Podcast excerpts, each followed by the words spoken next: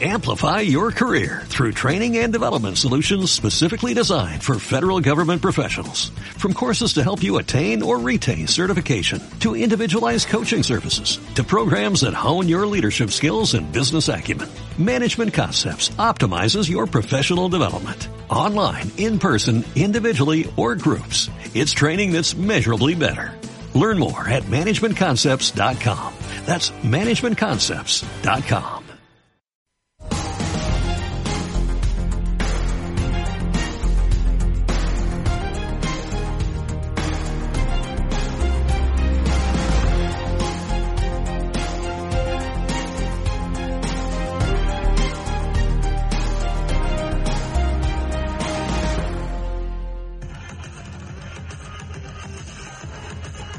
Què tal, com estan? Estem veient imatges del darrer Carnaval de Sitges l'any passat, on multitud de persones gaudien d'aquestes rues eh, espectaculars eh, d'aquesta festa popular de Sitges. Eh, I per què veuen aquestes imatges? Doncs perquè és el que parlarem avui en el programa en els primers, en els primers minuts, mentre que les festes populars es van cancel·lant, els mítings eh, polítics van sobre la marxa en el prim, després del primer cap de setmana de campanya electoral pel 14 de febrer.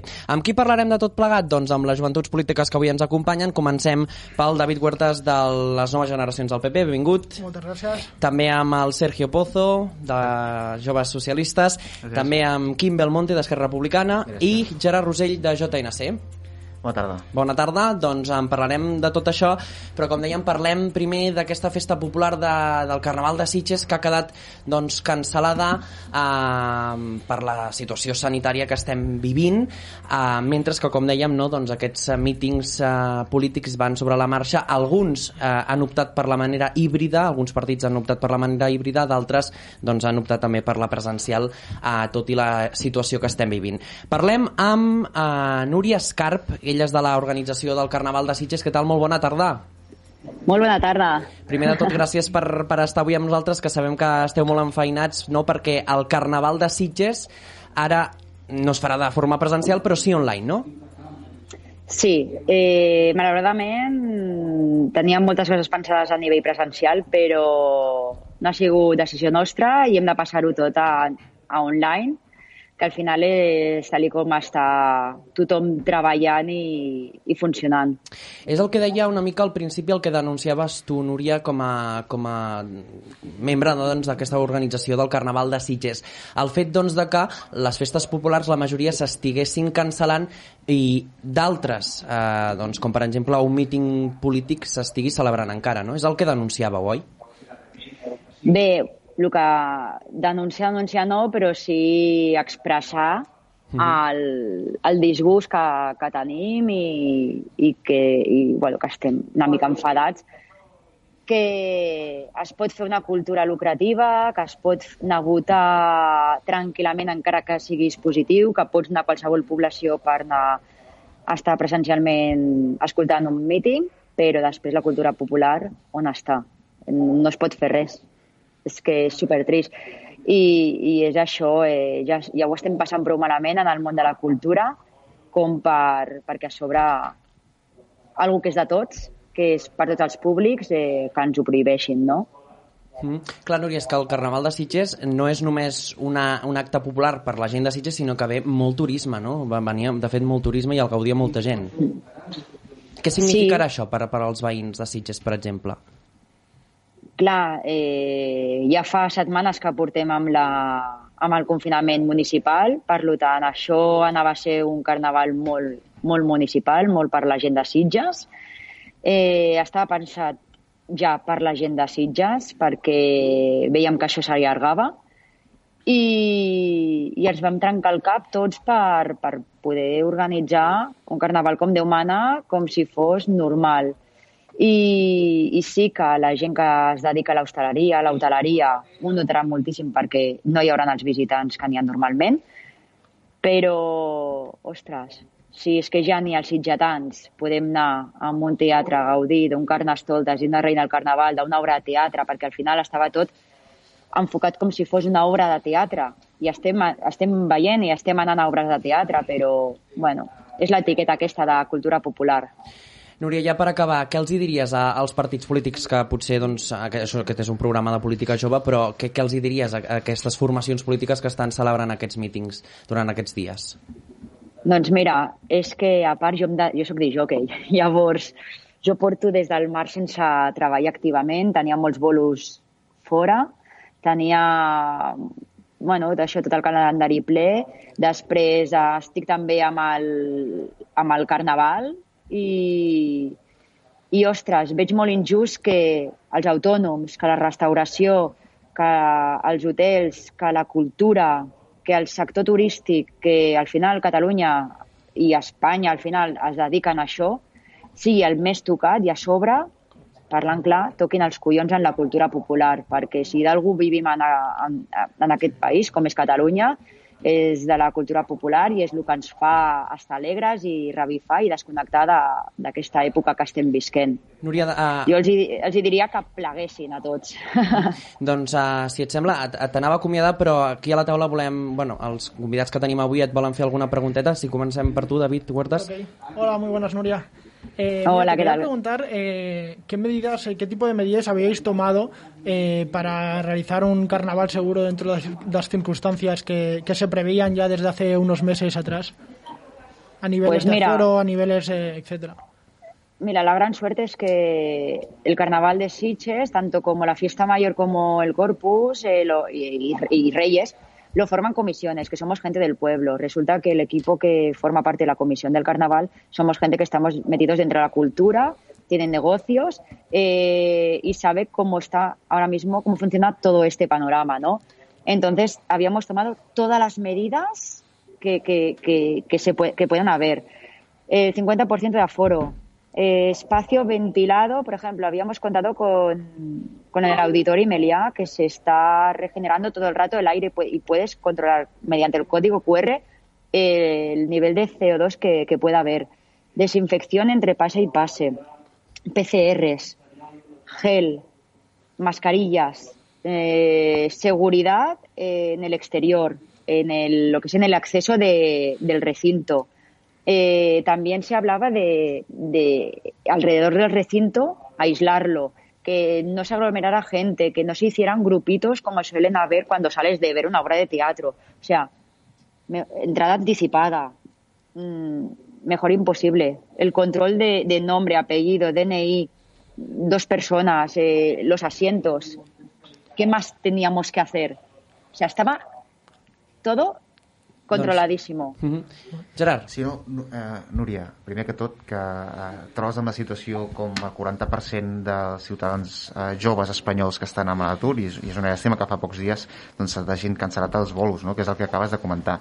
Però també jo, a mi m'agradaria fer esment no? que si tu diguessis amb, amb el cas tu que estàs amb la cultura, també, perquè si dius que fas bolos vol dir que fas, ets actriu o, algun, o, o, o, o en aquest sector cultural, doncs què reclamaries no, en aquest cas? Dic, uh, serien eh, que hi haguessin ajudes directes de l'administració, no? perquè, com saps, i el que hem defensat nosaltres sempre és que no podem donar més ajudes uh, sent una autonomia espanyola, doncs perquè no tenim les eines d'un estat, no? És a dir, que si tu haguessis de reclamar ajudes per al sector cultural, quines serien aquestes ajudes que creus que podrien doncs, uh, ajudar-vos en aquest sentit? Gràcies.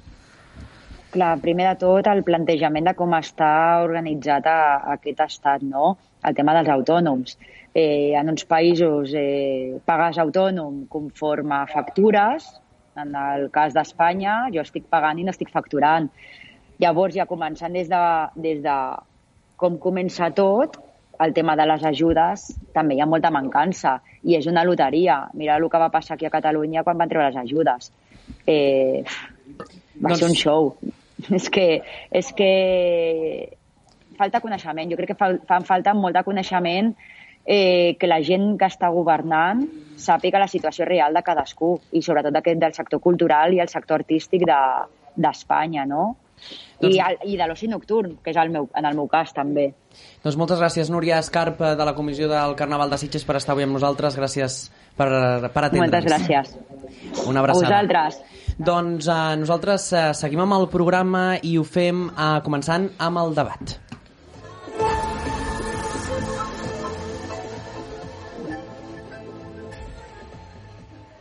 Com dèiem al principi del programa, doncs això, no? venim de viure el primer cap de setmana de l'inici de la campanya electoral. Sé que teniu ganes de debatre, sé que, teniu ganes de, de parlar, però si us sembla, veiem un reportatge supercurtet d'uns dos minutets del que va ser l'inici de campanya de tots els eh, partits polítics que es presenten a les eleccions. El passat divendres es donava inici a la campanya electoral per a les eleccions del 14 de febrer. Els ciutadans tornem a tenir setmanes intenses de mítings, discursos i promeses. Això passa tres anys després des de que les urnes trepitjaven Catalunya, el 21 de desembre. Això sí, amb escenaris totalment diferents, però igual de tensos. El 21D no havien passat ni tres mesos de l'1 d'octubre i amb l'article 155 vigent. Ara, però, després de la inhabilitació de Torra, ens veiem en un context difícil sanitàriament parlant i políticament tens, i això s'ha notat als diferents discursos de campanya. Pedro Sánchez va donar un cop de mà a l'arrencada de campanya del PSC amb Salvador Illa. El president espanyol va donar el seu suport al candidat socialista en un acte virtual on va presentar Salvador Illa com l'única solució per deixar a un costat la confrontació. D'altra banda, l'exministre de Sanitat va resumir tot aquest temps com una dècada sense sentit. Quiero invitar a toda la sociedad catalana a un viaje muy diferente al que nos ha querido llevar los independentistas durante estos 10 últimos años. Esquerra Republicana va començar campanya a Mataró amb una forma híbrida, una vuitantena d'assistents presencials i altres via online. Pere Aragonès va fer valoració de la gestió d'Illa com a ministre de Sanitat, i és que el candidat republicà planteja aquestes eleccions com una clara competència molt estreta amb el PSC. La reconstrucció de Catalunya, la reconstrucció econòmica i social, sigui decidida des d'una Generalitat convertida en un despatx de la Moncloa, que és el que voldria el candidat del PSC, Salvador Illa. D'altra banda, Carles Puigdemont i Laura Borràs, candidats de Junts per Catalunya, van explicar via streaming que esperen ser la força guanyadora i liderar l'independentisme per sobre d'Esquerra. Cal tenir l'oportunitat d'arribar a la presidència de la Generalitat de Catalunya i transformar el moment en el que ens trobem. Ciutadans va optar per la fórmula online on Inés Arrimadas i Carlos Carrizosa tenien l'objectiu de convèncer un possible pacte d'esquerres. Van avisar que els socialistes pactaran amb els partits d'esquerres apostant així per l'amnistia dels polítics empresonats. Muchas veces nos ha pasado confiar en algunos partidos supuestamente constitucionalistas para que ese voto se vaya a poner a Esquerra Republicana al mando de la educación. Qui sí aposta fermament per un govern d'esquerres són els comuns. Ada Colau va acompanyar en un acte totalment online a Jessica Albiach. L'alcaldessa de Barcelona reclamava a Illa i republicans que no tinguessin manies en entendre's. Per Catalunya i Esquerra Republicana és que les esquerres ens posem d'acord. Que les esquerres ens posem d'acord, com ja estem fent a Barcelona, com s'està fent el govern de l'Estat. Pablo Casado va ser qui va engegar la campanya del Partit Popular amb Alejandro Fernández de manera online, tot i que amb algun assistent presencial del partit. El líder del PP reconeixia que tant el PSC com Esquerra s'acabaran entenent. Da igual si Esquerra queda por delante del PSC, porque presidirá. Da igual si el PSC queda por delante de Esquerra, porque va a mandar el independentismo. El PDeCAT va engegar campanya amb Àngels Chacón, amb poques persones de públic i més de 300 seguint-ho per internet, i carregant amb els partits independentistes, tant Junts per Catalunya com Esquerra Republicana, i acusant-los així d'una mala gestió per la crisi sanitària. Catalunya necessita una nova mirada per superar la crisi i rellençar tots els seus actius, per projectar sectors però també, i ho hem vist, territoris. Pel que fa a la CUP, van apostar per tres rodes de premsa simultànies des de Lleida, Tarragona i Girona, on la candidata Dolors Sabater va presentar el partit com l'única alternativa real perquè Catalunya avanci cap a l'autodeterminació. I Vox, que va ser la darrera formació en començar la campanya, això sí, de manera telemàtica, ho va fer apostant també per aparicions des de totes les províncies, però amb l'atenció fixada amb el candidat Ignacio Garriga, confiant que guanyaran el duel amb el PP i seran la primera força de la dreta al Parlament de Catalunya. Doncs això és el que hem viscut d'inici de campanya, ha sigut un, un, un petit repàs del que es va dir en, aquest, en aquests inicis de campanya. Uh, comencem per Esquerra Republicana, el que deia Aragonès, no? el senyor Aragonès, carregueu contra el PSC, en aquest cas, contra la candidatura d'Illa. Sí, bueno, sí, nosaltres ho portem dient des del principi de la campanya i abans de campanya ja ho estàvem dient. Els models de PSC i d'Esquerra Republicana són contraposats tenim un PSC que vol donar la gestió absoluta a Madrid i al govern central i en canvi tenim una Esquerra Republicana que aposta perquè el que es, decideixi aquí i es gestioni ha de passar pel, pel, pel govern català al final. Per tant, considerem que és incompatible i a la vegada també critiquem que, i, i sé que segurament tu no tens res a veure però que el ministre Illa enmig de la pandèmia, la tercera onada amb, pit, amb les pitjors dades agafi i digui que se'n que, que se'n va per tornar per tornar on? però si va marxar va agafar un ministeri i l'ha deixat en la, la pitjor mesura sense haver donat cap mena d'eina a la resta de, de comunitats autònomes, perquè això també cal recordar-ho. Sí que és veritat que durant, aquest, eh, i durant el, aquests dies de campanya el que també hem vist és que l'independentisme l'independentisme està molt fracturat pels diversos partits PDeCAT, Esquerra Republicana i Junts per Catalunya. Podríem veure en el debat, que ara també en parlarem sobre el debat de televisió espanyola, no? doncs aquest eh, comportament més, no sé com dir-ho, eh, Esquerra Republicana volia més el que, el que seria votar, no? el que seria una negociació, mentre que Junts per Catalunya deia que que la DUI seria, una, que seria factible en aquest cas. Jo entenc, bueno, abans que res, no, de, en respecte d'aquestes eleccions, denunciar que aquestes eleccions han estat imposades per l'estat espanyol no, i que va ser perquè doncs, Junts per Catalunya, en aquest cas, ha estat insubornable amb la defensa dels drets civils i polítics dels catalans. Llavors, amb tot això, no, i, i respecte de uh, les posicions contraposades que sembla que hi ha entre uh, Junts per Catalunya i Esquerra Republicana, Bé, uh, sí que és cert que uh, hi ha un, sembla una mínima diferència en, en l'estratègia de la DUI, no? que potser el, el que és Esquerra Republicana ara mateix no ho planteja a sobre de la taula, però sí que és cert no? que nosaltres doncs, en la part del programa en el de 360 pàgines com hem publicat avui, com el de 50 propostes que van ser públiques ahir, es parla del de, referèndum negociat amb, amb Europa, ja amb l'estat espanyol ja ho hem intentat 17 vegades, com ho ha dit el, el, el diputat eh, Tarda en, en més d'una ocasió, i eh, en aquest cas, en el cas que no arribéssim a una negociació, doncs, per a parar tot el context català doncs, per, per defensar una DUI. En aquest cas, el, mini, el, ai, el ministre Illa, perdoneu, a Salvador Illa deia en el debat de televisió espanyola que el que eh, hem de fer és eh, doncs deixar-ho enrere això i, i, i deixar-ho enrere s'està tapant els ulls al ministre, ai, el ministre Illa, avui diré ministre Illa, no, perdoneu, al senyor Illa? Uh, doncs mira, uh, sí que és veritat que hi ha hagut certa uh, controvèrsia, bueno, una controvèrsia uh, sobre, el, sobre la convocatòria de les eleccions, però uh, ara mateix les eleccions estan uh, convocades, està ratificada la convocatòria pel Tribunal Superior de Justícia de Catalunya i, eh, per tant, el que toca ara és fer campanya i que cada partit expliqui als, als catalans el seu projecte. A mi eh, el que m'agradaria eh, deixar clar que aquestes eleccions no han estat imposades, sinó que aquestes eleccions havien estat convocades en primera instància pel govern de la Generalitat pel 14 de febrer i que és culpa, en tot cas, del mal ús de la, de la legislació i del nyap de decret que es va presentar, en aquest cas suspenent les eleccions, eh, aquest és el motiu perquè el Tribunal s'ha hagut de, de manifestar. De tota manera, la, la legislatura, eh, segons el president Torra, estava esgotada ja eh, al febrer de l'any passat i per tant heu tingut molt de temps per en tot cas eh, convocar unes eleccions abans fins i tot de que es conegués el cans eh, de la pandèmia. El problema està en que heu, eh, en aquest cas esti us heu estimat més a fer, en aquell moment fer un càlcul electoral i esperar la inhabilitació, a la inhabilitació de Torra per convocar eleccions. Podrien haver estat unes eleccions en un eh, context molt diferent. Des del PP també aposteu per un canvi de, de govern. En aquest cas, eh, bueno, ho plantegeu com que podríeu arribar a la presidència sense pactar. No? És a dir, eh, en el míting que hem vist d'inici de campanya, Pablo Casado va deixar clar que la millor opció és un partit gran, com per exemple el PP per la presidència de la Generalitat evidentemente creemos en, que Alejandro tendría un papel, teniendo un papel relevante Alejandro, eh, iríamos hacia una Cataluña mejor. Eh, todo el mundo eh, a nivel personal y a nivel político eh, defiende de que tiene derecho a una oportunidad. En su momento tiene una, tuvo una oportunidad Ciudadanos. Hemos visto que no ha servido absolutamente para nada la mayoría eh, que sacó, las elecciones que ganaron. Por lo tanto, para mí Ciudadanos no tiene proyecto.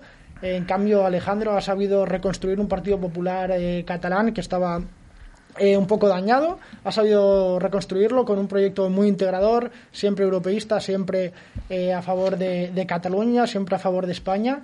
Y creemos que un Partido Popular eh, fuerte va a ser la clave para que Cataluña de una vez por todas cambie de ritmo, cambie de rumbo, eh, nos olvidemos de lacitos, de libertad de expresión, de proyectos fraudulentos, de eh, dinero público derrochado en embajadas por el mundo y que empecemos a construir una comunidad autónoma fuerte dentro de siempre del marco jurídico español y dentro de una España fuerte y una Europa integradora. Però en aquest cas, pel, pels partits independentistes, eh, en el mateix cas que, que Salvador Illa, eh, us titllen de que us esteu tapant els ulls i que voleu oblidar una cosa que heu fet malament vosaltres. Esteu d'acord amb aquest plantejament que fan els partits independentistes en aquest cas? ¿A qué te refieres concretamente? Con... És a dir, a oblidar tot el tema, per exemple, l'aplicació de l'article 155 de, Ahà. de, dels presos, eh, dels polítics empresonats que hi ha ara mateix amb el tercer grau, però que estan empresonats. Eh, és, és això el que voleu, oblidar tot el que va passar per construir una nova manera de fer política a Catalunya?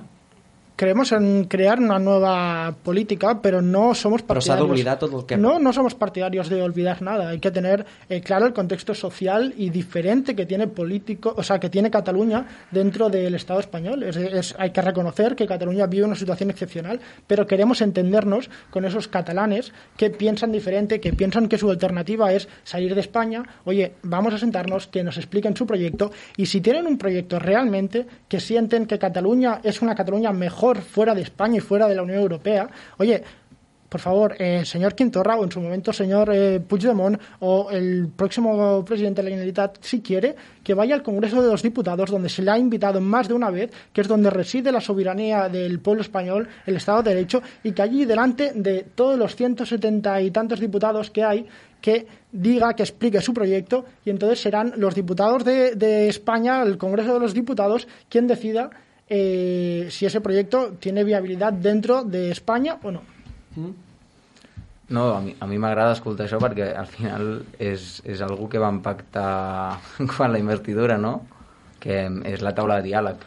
És, està molt bé. Està molt bé que el PP Sí, o sea, reconegui... si, si defendemos una tabla de, de diálogo, pero siempre dentro del marco jurídico. O sea, todo lo que salga de la ley no tiene sentido. Todo lo que esté dentro de la ley se pueda, perdón, se puede hablar una y mil veces y volver a hablar y hablar hasta que la sociedad tenga eh, una digamos, tenga unos líderes que realmente le respondan, que para eso estamos en política, para eso están la gente en política, para dar salida a las necesidades de la sociedad. Si la sociedad catalana eh, tiene este problema, oye, sentémonos, hablemos, hablemos, no hay ningún problema en hablar, Sí, pero com- siempre... com Rajoy- com Rajoy no va siempre- voler parlar Oye, pues amb el mira, president pues- Puigdemont, pero, per es que, no, pero es que no te equivoques. No, sí que, o sea, sí que Puigde- t'equivoques Puigdemont, tu, perquè Puigdemont quan fue esteu, invitado... quan esteu a Un l'oposició... segundito. No, un moment, quan Puigdemont fue invitado más de ocho esteu- veces al a- Parlamento esteu- y en ninguna, en ninguna, Vale. o sea, Puigdemont fue invitado al Parlamento a hablar, a dialogar, que es lo que tanto se pide, a expresar su opinión. Pero nunca, ni una sola vez, ha aceptado esa propuesta de ir a hablar al Congreso de los Diputados. Entonces, hay que cambiar el cuento de que eh, el PP no quiere hablar, el PP no quiere dialogar.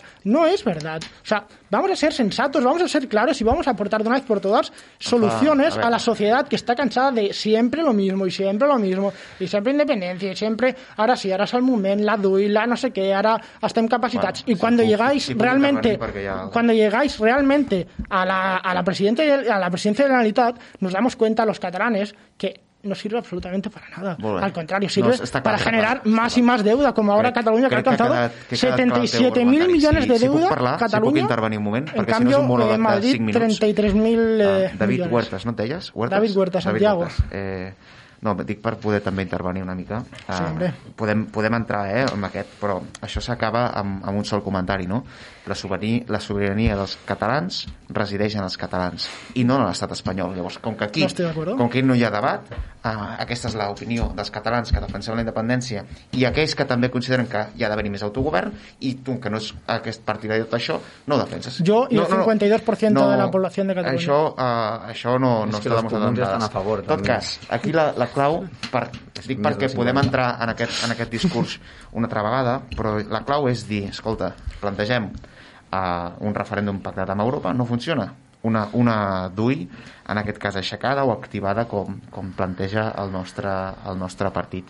Poca cosa més cal, cal dir, no? perquè s'han dit moltes coses i, i jo també entraria en, en un sol comentari només de Tribunal Superior de Justícia a Catalunya, no? com ha comentat el company de la Joventut Socialista de Catalunya eh, bé, el, si el decret en aquest cas eh, no, nosaltres, el govern de Catalunya va considerar que no era el millor moment per fer unes eleccions perquè tenim una situació de pandèmia, la tercera onada molt forta i en aquest cas doncs, el, el Tribunal Superior de Justícia de Catalunya al meu pare doncs, no ha actuat eh, amb, amb prou de cura de veure la situació que estem patint perquè segurament viurem una abstenció alta com ha passat a Portugal això no t'ho creus ni tu, senyora Borràs. Això va ser la contestació de uh, Salvador Illa a Laura Borràs en el debat de Ràdio Televisió Espanyola. Esteu d'acord, Gerard Rosell?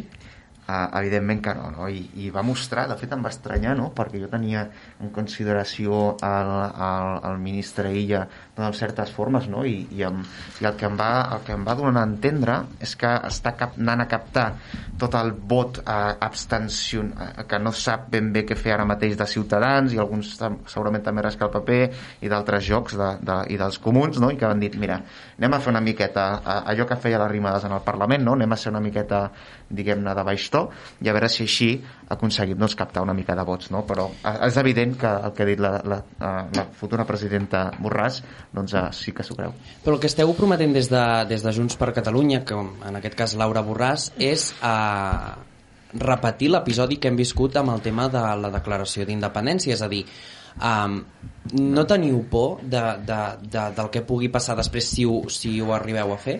Si arribeu a declarar la independència? Uh, primer que tot, que el nostre partit s'ha mostrat que som els que no tenim por i som els que no tenim por perquè quan ha calgut hem estat avançant des de el Sí, mateix ha- president Mas però hi ha persones a la Puigdemont presó per la gestió que va fer Carles Puigdemont. correcte. Eh, i això, tot i que hi hagi presó i hi hagi exili nosaltres hem fet front a aquesta repressió i a aquesta censura i seguim fent, perquè ara mateix hi ha més de 3.000 persones represaliades i exiliades en aquest país. Llavors tu em preguntes, teniu por que l'estat espanyol utilitzi la violència com ho ha fet fins ara? Cap ni una.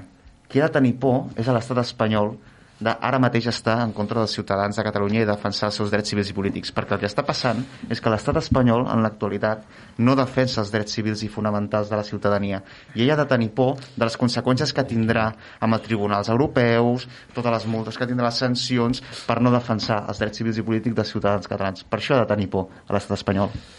Sí. Sí, uh, a mi el que m'agradaria seria que ningú tingués por. Uh, m'agradaria que deixés uh, aquesta política de confrontació sense cap sentit. Uh, quan diu que l'Illa va uh, baixar el to, o que en tot cas va sortir a to amb aquesta, amb aquesta frase, jo crec que no va sortir a to, però en tot cas... De fet, heu fet samarretes amb aquesta... Efectivament, efectivament, en producció. jo crec que no va sortir... Molt capitalista, això, no? O què? no va sortir de to, uh, però és que fins i tot les persones més, edu més educades al final es cansen de tanta mentida. Vull dir, és evident, és evident que no teniu por de les conseqüències eh, d'una possible nova DUI, perquè és que no la fareu. No la fareu. I si la fan encara, durarà encara, set- estem set esperant, segons. encara estem esperant eh, que el president Puigdemont torni, que era la promesa que vau fer a l'anterior campanya de les autonòmiques, i no va tornar. I ara prometeu que tornareu a fer una altra, diu, o una altra DUI. Jo crec que, que aquesta frase de no t'ho creus ni tu va ser molt eh, adient. Eh, al fil del que, del que deies abans, sobre que potser ens posem eh, una, una vena als ulls, no? que oblidem el que va passar, eh, nosaltres no oblidem, nosaltres eh, no oblidem que es pagui d'aplicar el 155, no oblidem el pacte que es va fer amb, amb el PP en aquest cas per poder-lo aplicar, però és que tampoc volem oblidar els, els, els, els dies del Parlament de, de, que es van viure el 2017 quan es va declarar la DUI, no volem oblidar els dos referèndums il·legals i no volem oblidar tampoc res del que han fet en aquest cas els partits independentistes. El que sí que volem és avançar i per avançar necessitem eh, un govern que estigui compost per gent eh, que pugui generar un cert consens. Aquest consens, des de, des de luego, no, no, no el poden eh, portar a terme, no el poden generar ni els partits independentistes ni el partit que era el govern quan es va, quan es va donar aquesta situació i que el que va fer va eh, ser tirar més benzina al foc. Doncs uh, un, una banda que diu que no es tornarà a repetir, l'altra que sí que, que es tornarà a repetir. Veiem el que deia Esquerra Republicana, en aquest cas Pere Aragonès, al debat de, de Ràdio i Televisió Espanyola, que deia que ell apostava doncs, per votar de manera madura. Y la solució madura i democràtica és votar és tenir un debat sobre la independència de Catalunya. Els que considerin que no, ho defensin amb els seus arguments. Els que considerem que és imprescindible, ho defensarem amb tota la convicció.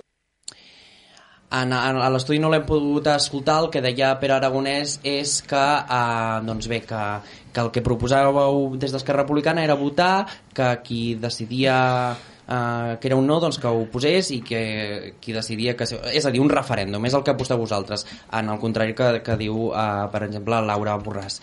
Per què aquesta diferència?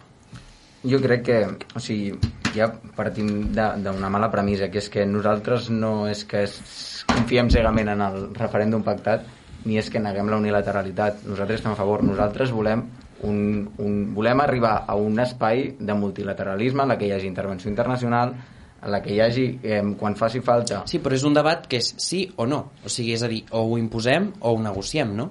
En aquest cas, Pere Aragonès, en el debat es veia molt més moderat i es veia eh, doncs, doncs, disposat a, a negociar. No clar, sé si per aquesta taula de negociació... De... Cal, cal negociar, clar, òbviament que cal negociar, però és que, és que arribarem a negociar igual que els companys de, de Junts, que ara diguin que la declaració unilateral i de més, acabaran negociant igual. I, i així ho, ho ha comentat anteriorment la negociació és inevitable. Llavors nosaltres el que volem demostrar és que es pot fer de un, a través de, del, del diàleg de, de primeres i arribar a consensos, perquè hi ha consensos, com som el 80% que s'ha demostrat a favor de l'autodeterminació i l'amnistia, o es pot fer a llarg termini. Aquí tothom dient, estamos muy cansados, estem molt cansats, no sé què, però és que al final, si ens neguem a parlar sobre el que la majoria de gent vol, perquè és que no és el 48%. La majoria, si, majoria... No és el 48% perquè si sumem els comuns ja és més del 50%. Si mires enquestes hi ha votants dels socialistes que també estan a favor de l'autodeterminació. Per tant, no és el 48%. Però mínim, mínim, las mínim, encuestas esas que mínim, las cuenta mínim, vosotros, en el referéndum o...? Mínim, mínim, mínim és més del 50%. Llavors, parlant d'altres temes. Um, por, por, por, s'ha sentit molt por, por. Potser aquí hi ha por a, a, a Esquerra Republicana perquè som l'únic partit que té projecte. Aquí parlen uns de no sé què, els altres no sé quantos. Oh, aquí t'equivoques, eh? Sí? Sí, que és l'únic partit que té projecte. Crec que aquí has patinat una mica, però... Som els únics que tenim... que és el campanya. Bueno, som els únics que tenim projecte, perquè som els únics que hem demostrat que quan hi ha problemes com la pandèmia ens posem davant. I si no, que m'ho expliqui el conseller. Si no, a ver, a ver, te, te si estás no, pasando. Perdona, eh? Si no, que... ni, uno, ni uno ni otro tenéis proyecto y así lo habéis demostrado si no, en los últimos años. Si no, que m'ho expliqui el conseller d'universitats perquè quan s'havien de fer els exàmens presencials es va amagar. Que m'ho expliquin perquè el ministre Illa en el pitjor moment de la tercera onada se'n va. Que m'ho expliquin per què l'Alba Vergés dona la cara? Per què Pere Aragonès dona la cara? Perquè ens equivoquem també, és veritat, ens equivoquem, amb la mesura de prendre, o sigui, de donar ajudes als autònoms, la, es depuren responsabilitats i després es donen noves ajudes, fins a 600 milions, perquè el govern espanyol no dona ni un duro. Bueno, en, en, també, no en donen. Tam, també, també deixa'm no afegir una cosa, també en, en els mítings i en, en, en aquest debat també molts dels candidats deia, bueno, gairebé tots deien que eh, que entenem que estiguin cansats la ciutadania, però que hem d'anar a votar, etc.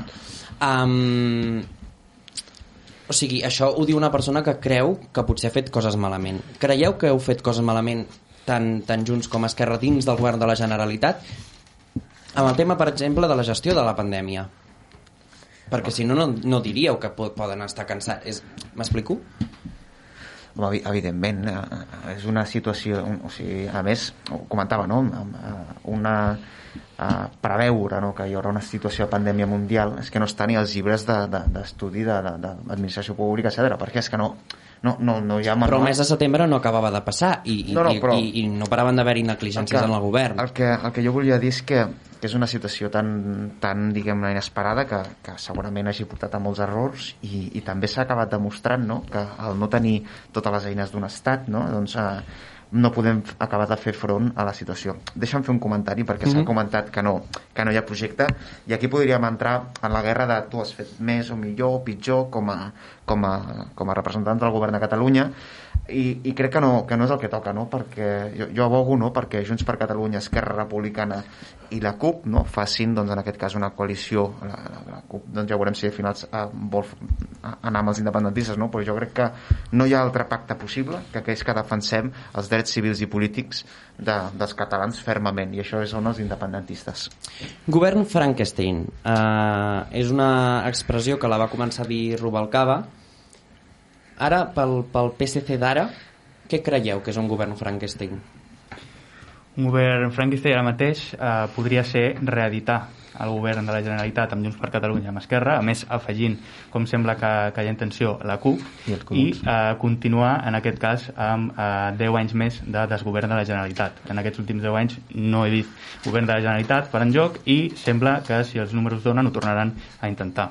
Uh, si puc fer un incís uh, uh Mhm. -huh. sobre el que deia el company d'Esquerra de, de negociar, per negociar és important eh, que les dues parts negociïn de, de bona fe, que es diu. I per tant, eh, el que no es pot fer és anar a negociar amb màximes que en cap cas es volen rebaixar. Si el que vols és negociar, doncs podem negociar sobre moltes coses, no només sobre la celebració d'un referèndum i per la independència de Catalunya, perquè potser no, no, no, no l'aconseguireu la independència de Catalunya de primeres i no s'ha de portar la situació més enllà. El que s'ha de fer és negociar per avançar en sobirania, per avançar en competències i en altres coses que segur que podem estar d'acord. Si tu vas a negociar directament amb vetos i intentant aconseguir només el que tu vols, i si no, doncs no negocies i fem una DUI, doncs evidentment això no porta enlloc.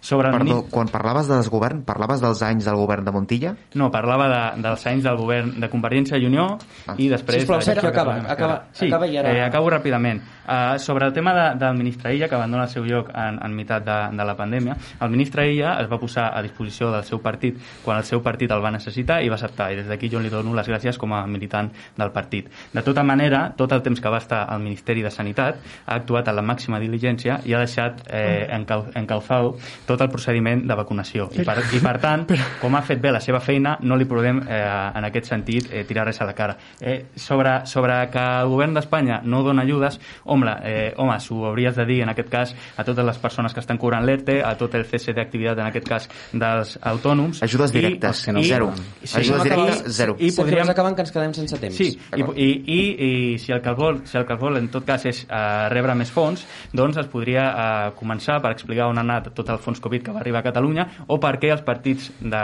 Catalunya, Esquerra i Junts per Catalunya en aquest cas, no van voler negociar el decret en aquest cas de repartiment del fons del Covid. Yo solo quería apuntar eh, que no te preocupes porque, o sea, no os preocupéis eh, ninguno de vosotros, porque mientras Pedro Sánchez está al frente del Partido Socialista va a vender su arma al diablo y os va a hacer presidentes a, cualquiera a cualquiera de los dos que gane. O sea, es una persona sin escrúpulos y de lo peor que ha visto la política en España en los últimos años. Y lo último que has dicho me parece sinceramente de todo corazón, ya como ciudadano, eh, una falta de respeto a todas las personas que han sufrido por activa o por pasiva eh, el coronavirus.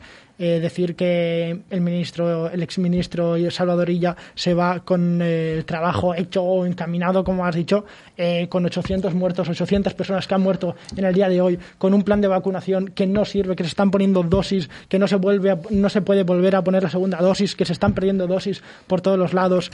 Eh, me parece, vamos, un descalabro eh, en- por todos los sentidos. O sea, la gestión de la pandemia por parte del gobierno ha sido horrible, no, lo siguiente. Sergio, en relació al que deies al principi de la teva intervenció ara en l'última vegada que, que, has, Sí. que has explicat, uh, deies que no era el moment uh, de, de, de negociar això, no? El tema de la independència o d'un possible referèndum. En aquest cas, uh, Illa, en el debat de, de Radio Televisió Espanyola, deia i la gente que no somos independentistes, que on estem representats en relació a unes declaracions, no tenim el tall perquè no podem tenir el tall de, de tot, però, però en unes declaracions que deia eh, Laura Borràs. I la gent que és inde- independentista, què? Jo t'ho faig co- com a, com a pregunta. Sí, uh, la gent que, no, que és independentista el que ha d'entendre, com a persones adultes que som tots, és que a vegades s'han d'arribar a acords. Quan algú no té la majoria, en aquest cas, doncs s'ha d'arribar a algun acord. L'acord no pot passar ni per imposar el que vol una part ni per imposar el que vol l'altra part, perquè si no, no és cap acord i no serveix ni per una part ni per l'altra. Si puc, molt ràpidament, eh, per al·lusions, eh, el que ha comentat de Pedro Sánchez, bueno, descalificatius personals, eh, jo no entraré, pensava que era un debat de, de política, ¿no?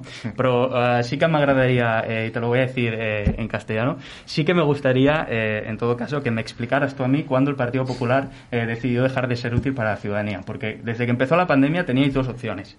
Podíais ser un partido de Estado y, y ser un partido serio, que es lo que se presupone el Partido Popular, y por lo tanto podíais haber apoy- apoyado los decretos del estado de alarma, los decretos de la cobertura de los ERTES y el cese eh, de actividad, o más recientemente, por ejemplo, el decreto de reparto de fondos europeos.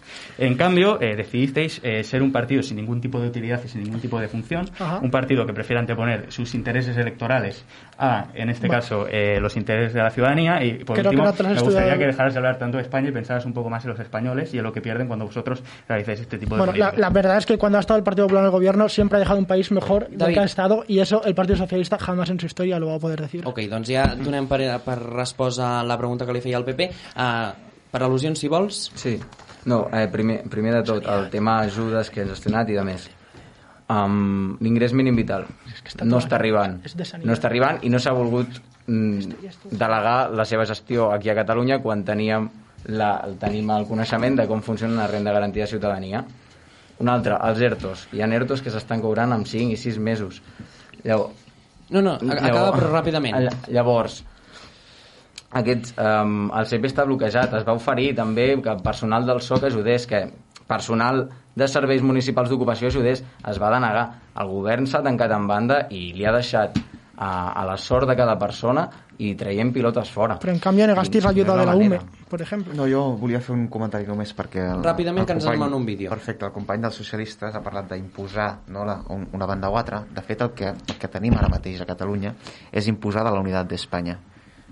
I això, qui té més dret que un altre a imposar-hi un altre? Si estem parlant de majories, en aquest cas la majoria és clarament a favor de l'autodeterminació, nosaltres en aquest cas, sigui un 55%, ja hem de poder avançar cap a la independència, perquè no és cert que sigui un 45% en contra, sinó és cert que hi ha un 25-30 en contra. I per tant, sí que tenim tot el dret i ir al l'autodeterminació. Congreso Sí, y una cosa, sense, una cosa que, que no, va, no veu tenir dubte en el debat de Ràdio i Televisió Espanyola va ser no respondre al partit de Vox, en aquest cas a Ignacio Garriga, en aquest debat. Tampoc Vox va voler entrar molt dins del debat, és a dir, no intervenia molt amb, amb, amb temes. Anem a veure un dels casos en què no veu respondre en unes preguntes llançades per Ignacio Garriga.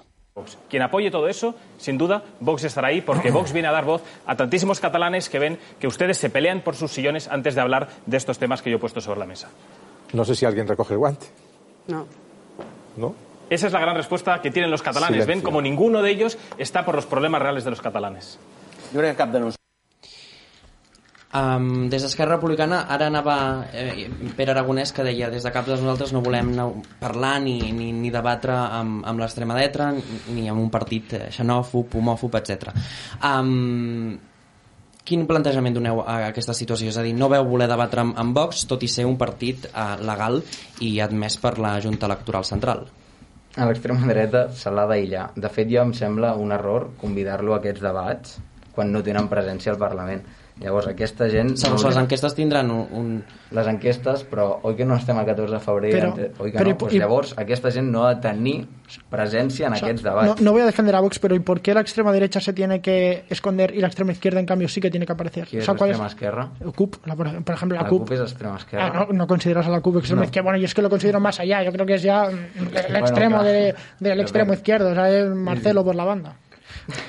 Molt bé, um, és, tenim molt poc temps, estem Mira, arribant ronda, ja... ronda de comentaris sobre això, no? Um, jo sempre he estat partidari, i més que, de, de que, hi hagi, que hi hagi debat de les idees, no? I això inclou doncs, aquelles persones que defensin doncs, els seus posicionaments. Ara bé, aquestes idees hi ha uns certs límits no? que són el respecte pels drets fonamentals, pels drets civils i polítics, etc. Llavors, hi ha alguns partits que sobrepassen aquesta línia i que ara potser ho estan amant una mica, però tu, internament en mítings jo, segurament deuen fer alguns discursos que a mi no m'agradaria gens sentir-los. Anem a veure també unes declaracions eh, que feia Carlos Carrizosa de Ciutadans, eh, una oferta que llançava a PP i a PSOE. Y eso es lo que yo digo, un remedio democrático, señorilla. No diálogo dentro de las leyes solamente, que sí, pero hay que ganarles y pactar con un gobierno constitucionalista. Y eso es lo que yo le ofrezco, que pactemos nosotros y no con estos señores que se burlan del resto de España. Uh, en aquest cas, acceptaríeu des del PSOE una, una oferta de Ciutadans, en aquest cas com la que feia Carrizosa? Uh, nosaltres uh, i el nostre candidat ha expressat molt clarament que nosaltres tenim un objectiu, que és un govern de progrés, en aquest cas uh, replicant el model uh, del govern de coalició que tenim a Espanya, uh, en aquest cas amb els comuns, i uh, per tant no sortim d'aquí. Uh, és, el que és evident és que el dia 14 de febrer, amb els resultats ja a la mà, tots els partits hauran de, hauran de posar esforços per, per benestar de Catalunya, que per tant doncs, eh, s'haurà de negociar. David, des del PP, acceptaríeu una negociació com la que plantejava Ciudadanos? Eh, o, o us negueu rotundament a, a plantejar una negociació? Evidente, evidentemente sí que lo aceptaríamos. Eh, Ciudadanos ha sido siempre un partido amigo en Cataluña y, y en España en general. Eh, eso sí, aparte de- del nefasto eh, de la nefasta gestión que ha hecho de su mayoría absoluta, como comentaba anteriormente, y de, y de haber ganado las elecciones, eh, creemos que nosotros tenemos un proyecto mucho más ilusionante, mucho más integrador, muchísimo más eh, amplio eh, dentro del partido, però bueno, eh, creo que Ciudadanos... Per tant, el vostre objectiu seria ocupar el lloc de Ciudadanos? Bueno, eh, tenemos distintos objetivos, distintos escenarios abiertos dentro de la estrategia del partido. Eh, veremos cómo se dan las elecciones y veremos qué lugar ocupa el partido. Ho parlàvem dins d'aquest bloc també el tema de la independència, l'independentisme molt fracturat, en aquest cas Esquerra Republicana, Junts per Catalunya, PDeCAT, que també diu que són independentistes i li deia a Laura Borràs que no l'excloguessin d'aquest nom. No, pactes com hem d'evolucionar els partits independentistes. Jo torno a repetir, amnistia, estratègia unitària de tots els partits independentistes. Senyora Borràs, no exclogui el PDeCAT perquè també som independentistes. Un referèndum vinculant i un reconeixement internacional. Sense això no avançarem. I a tots els constitucionalistes els torno a repetir. Les lleis evolucionen, la història evoluciona, la Constitució espanyola també.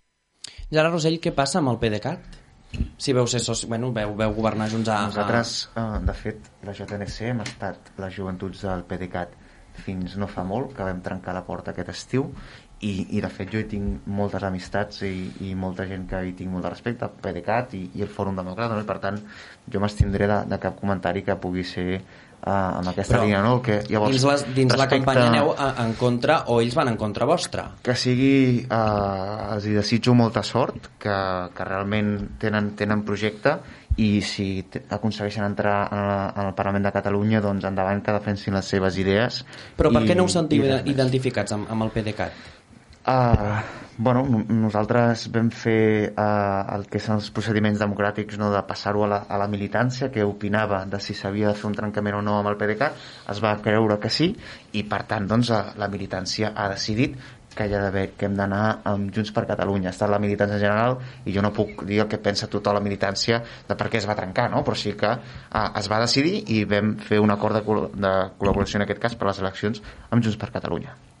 Des d'Esquerra Republicana, PDeCAT, eh, quina posició té per vosaltres? Esquerra, per nosaltres Esquerra Republicana el PDeCAT és un partit independentista i, i almenys ha dit obertament que és liberal, que és de dretes llavors ens mereix respecte i, i absolutament bueno, i, i si aconsegueixen entrar dins de, del Parlament comptarem amb ells per seguir avançant en la via de l'amnistia de l'autodeterminació Seria possible un govern eh, tripartit independentista, és a dir, PDK, ai, PD, sí, PDeCAT, Esquerra Republicana i Junts? O us hi negueu? nosaltres volem sumar-hi la CUP i, el, i els comuns entenem que una situació com aquesta tan excepcional ha de generar consensos molt grans i per generar consensos molt grans necessita a tothom Però Comuns no vol la independència, vosaltres voleu negociar la, la independència. volem, i també volem l'autodeterminació I i, els què? comuns volem, volen l'autodeterminació la independència serà un cop com ha aconseguit l'autodeterminació com has dit al principi nosaltres ara estem intentant negociar I per, què excloeu, I per què excloeu dins d'aquesta negociació, per exemple, el Partit Socialista, que seria uh, el diàleg que teniu obert? esteu a favor de l'autodeterminació? Nosaltres sempre hem mantenit que hem de dialogar però dins de la llei. Sí que no. I Comuns tampoc vol sortir-se de la llei. els comuns estan a favor de l'autodeterminació i han dit que cal, eh, de fet, van dir que calia, eh, si fos falta, canviar els articles que fossin necessaris per poder donar dur a terme aquesta Sí, sí, pero autodeterminació. dentro de la ley, ¿no? O sea, no, en ningún momento se están saliendo de la ley.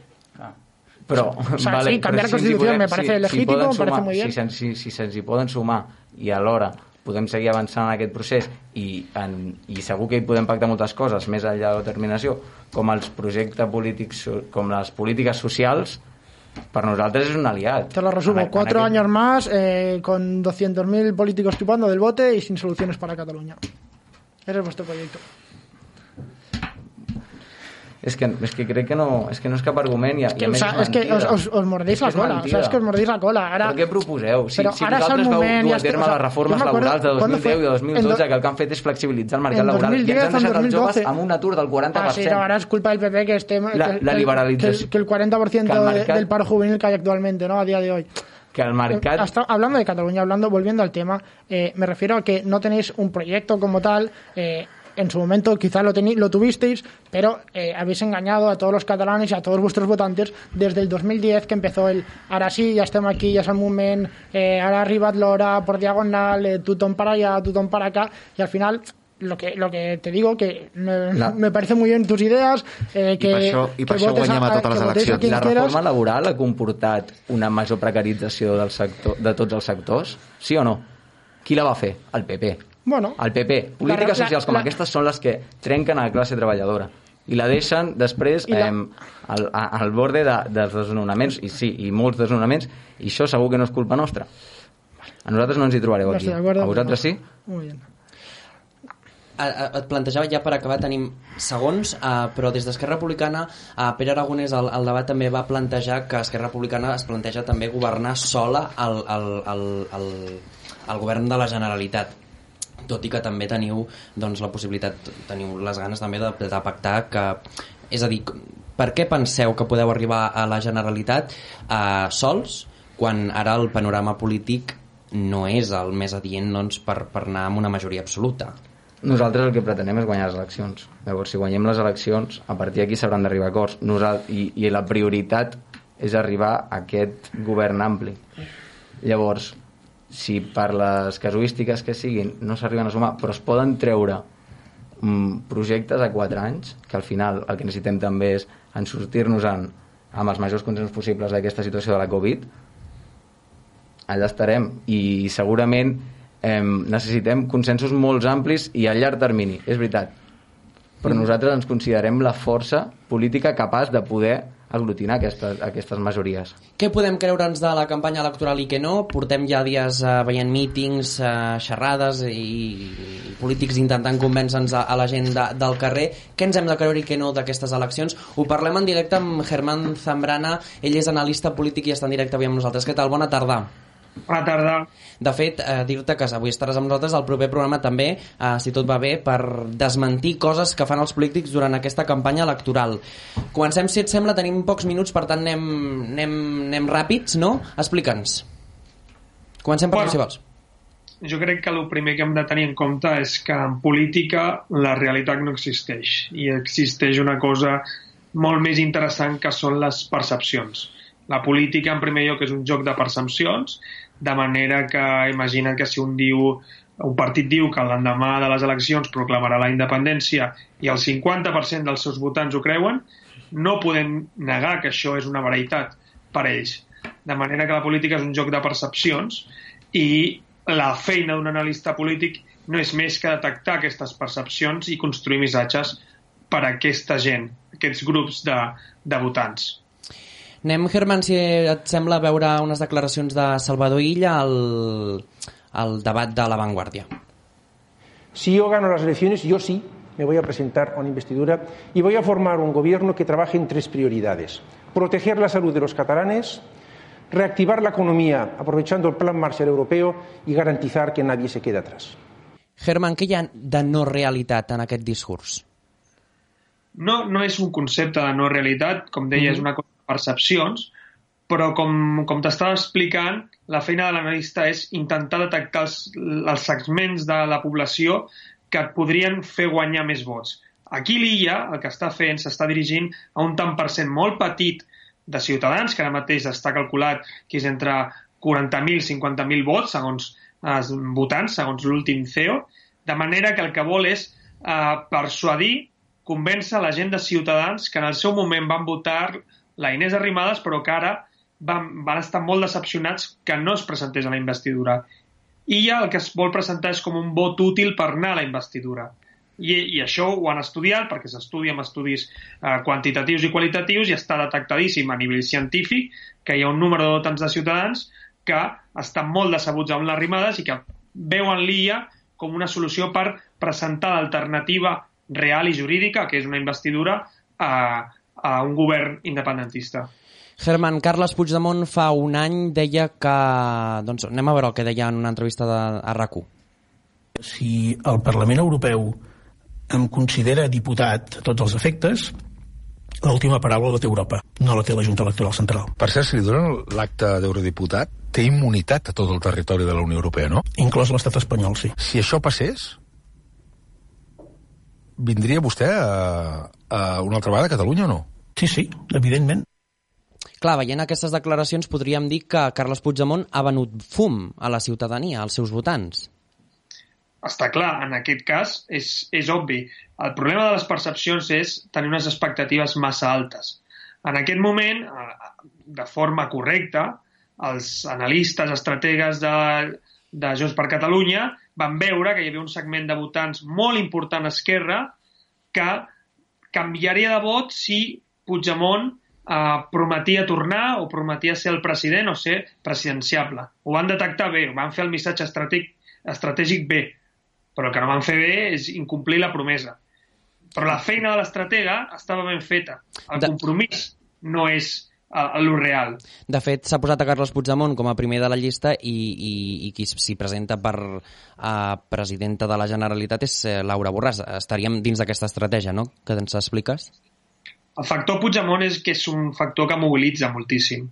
Per exemple, tornant una mica a l'Illa, ara hi ha enquestes que diuen que Illa és més conegut pels votants de Ciutadans que el mateix candidat de Ciutadans. I passa el mateix al Partit Popular, passa el mateix a altres partits fins i tot independentistes, on Illa, els votants dels partits independentistes, admeten que coneixen més Illa que no pas Puigdemont. I això passava amb Puigdemont fa tres anys, el 17, quan era el principal protagonisme, el principal actor de la política catalana, que dins de partits independentistes, com poguessin ser Esquerra, el més valorat o el més conegut era uh, Carles Puigdemont. Ara que mencionaves Esquerra Republicana, anem a veure unes declaracions de Pere Aragonès. No, ni amb un vot a favor, ni amb una abstenció. No. Nosaltres ens presentem en aquestes eleccions per guanyar. Jo em presento per ser president i ni amb abstenció ni amb un vot a favor contemplem cap mena de suport a Salvador Illa. De fet, ens presentem en aquestes eleccions per derrotar el que representa Salvador Illa i el que representa el projecte del PSC. És el que dèiem abans al principi del programa. Eh, des d'Esquerra Republicana van en contra de la candidatura, com diu en aquest cas Aragonès, de la candidatura de d'Illa, no? Sí, totalment. Uh, aquest missatge concret respon clarament a una cosa que és que els estudis estan dient que ara mateix que hi ha gairebé un 8% de, de votants d'Esquerra que dubten votar entre Pere Aragonès i Salvador Illa. I això són gairebé 150.000 votants dels estudis que s'estan fent ara mateix. Això significa que és un missatge per tal de convèncer el votant potencial d'Esquerra que hi dubta entre PSC i RC de què han de votar Esquerra. Això està, ho tenen estudiat. I una de les errades que considero que, que moltes vegades fem els periodistes quan mirem enquestes és només mirar intenció de vot. I en aquests estudis que tenen 200, 300 pàgines, com és el CIS o és el CEO, tenim dades interessants com aquestes, que són les que miren realment els partits per fer aquests missatges. I quin missatge tenim ocult de, del PP a, a Catalunya? Sé que això no estava programat, eh, Germán, però eh, el PP a Catalunya, quina posició tindria després d'aquestes eleccions? Jo, jo crec que el PP està competint en un segment de, de vot amb Vox, que, que són els fars de la política. Ara mateix les dades diuen que hi ha gairebé un 40% d'indecisos, és una barbaritat, i les enquestes diuen que tant Vox com PP s'estan competint per empatar o per tenir un, un escó a dalt o, o a baix. I un segment molt important és la gent que està molt desencantada amb la política aquesta gent que era, que era abstencionista crònica, estructurada, que mai votava, s'estan dirigint molt a aquest tipus de votant. Uh, L'Ignacio Garriga deia l'altre dia que uh, convidava els fars de la política de blocs de Catalunya a votar Vox, Almeida deia l'altre dia que, que el candidat del PP, Alejandro Fernández, era el candidat que representava aquells que estaven fart de la política, i ho estic dient literalment, i crec que estan jugant a, a això, a persuadir uh, indecisos que no tenen pas clar uh, votar. No parlo de votar partits concrets, sinó que el seu debat és aniré a votar o no? Doncs eh, tot un joc de perspectives i de paraules. Gràcies, Germán Zambrana. Ens veiem la setmana vinent aquí al Cultura Política. Molt bé, gràcies.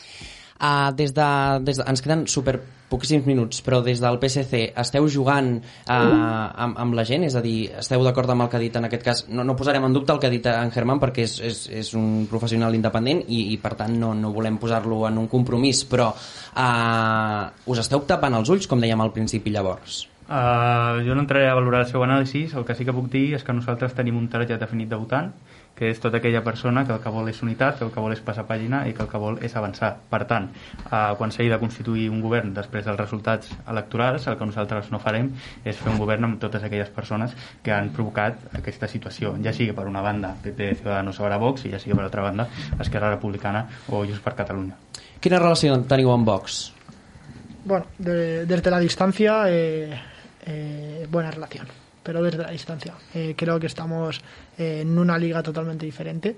Creo que el votante de Vox no es compatible con el votante del Partido Popular.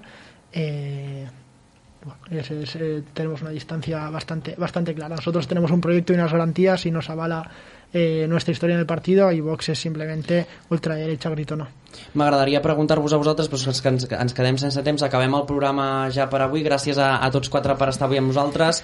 Nosaltres ens eh, veiem la setmana vinent aquí al Cultura Política, Cultura FM i TVCAT. Gràcies. Molt bé, moltes gràcies.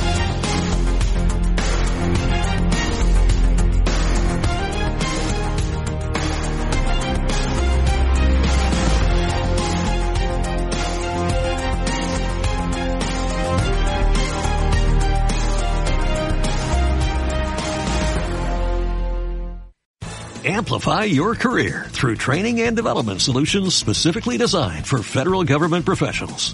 From courses to help you attain or retain certification, to individualized coaching services, to programs that hone your leadership skills and business acumen, Management Concepts optimizes your professional development. Online, in person, individually, or groups. It's training that's measurably better. Learn more at managementconcepts.com. That's managementconcepts.com.